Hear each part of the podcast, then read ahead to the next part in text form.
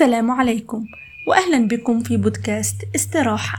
قبل البدء بموضوع حلقتنا اليوم أحببت أن أذكركم بدوام العبادة حتى بعد رمضان. أثبت على العبادة ولو بالقليل فقليل دائم خير من كثير منقطع. عنوان حلقتنا اليوم الخوف من المستقبل.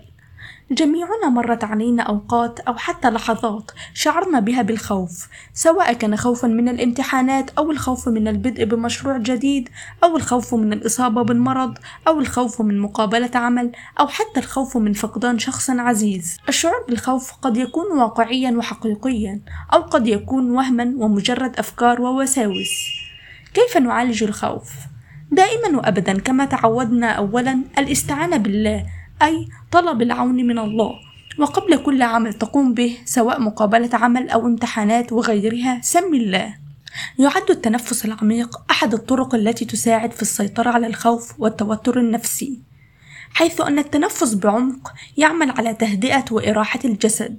من الصعب جدا أن تتخذ قرارات صحيحة بمجرد شعورك بالخوف أو التوتر. لذا عليك أن تهدأ قليلا وتأخذ نفسا عميقا وتحاول نسيان القلق أو الخوف. يمكنك الذهاب في نزهة مع الأصدقاء على سبيل المثال أو الاستحمام بماء دافئ أو تناول وجبة من طعامك المفضل وغيرها من الأمور. عندها ستلاحظ أن ذهنك قد أصبح صافيا ونقيا من الداخل وأن القلق قد انمحى تماما وأصبحت أكثر قدرة على مواجهة أي ظرف أو أي موقف مهما بلغ تعقيده.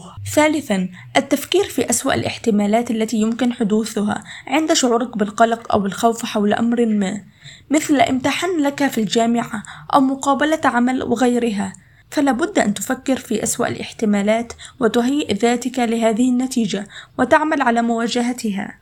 رابعا كسر المخاوف. حينما تتجنب مخاوفك وتهرب منها فإنك تزيد من شدتها. لذلك عليك مواجهة الأمر الذي يخيفك ويسبب لك القلق وذلك لحين اختفائه تماما. فعلى سبيل المثال هناك شخص يخاف من الركوب في السفينة لذا يجب عليه أن يغامر ويصعد إليها حتى ولو في رحلة قصيرة لكي يعتاد عليها ويكسر مخاوفه.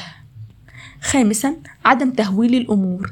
تميل مخاوف الإنسان عادة إلى أن تكون أكثر سوءا من الحقيقة. لذا عليك أن تتذكر أن الحياة الواقعية دائما ما تساعد في التخلص من الخوف والتوتر.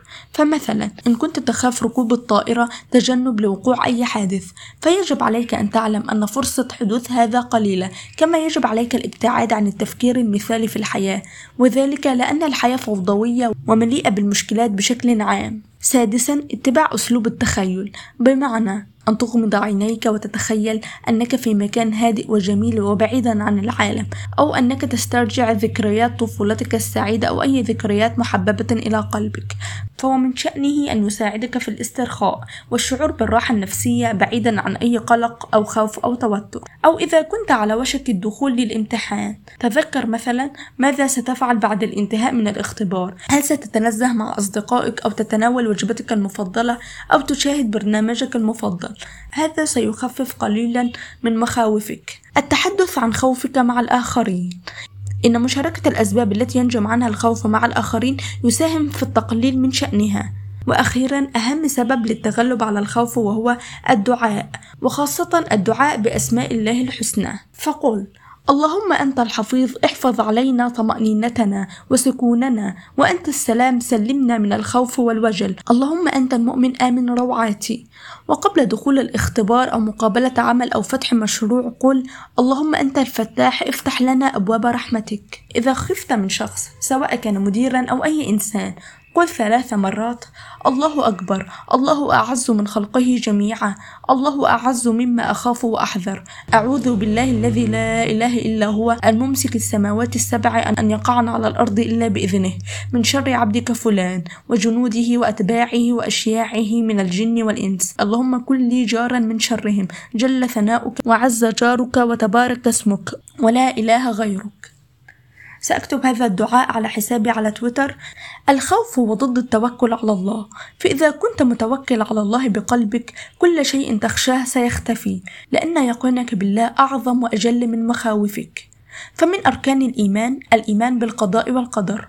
فكل شيء بقدر الله. واعلم أن ما أصابك لم يكن ليخطئك وأن ما أخطأك لم يكن ليصيبك. عش يومك ولا تحمل خوفا من المستقبل. هذا الخوف لن يغير شيء ولكن سيزيدك اضطرابات وقلق فعمرك مكتوب ورزقك مكتوب وكل شيء بأمر الله. فإذا استشعرت عظمة الله في قلبك هان كل شيء ورضيت بقضائه وقدره.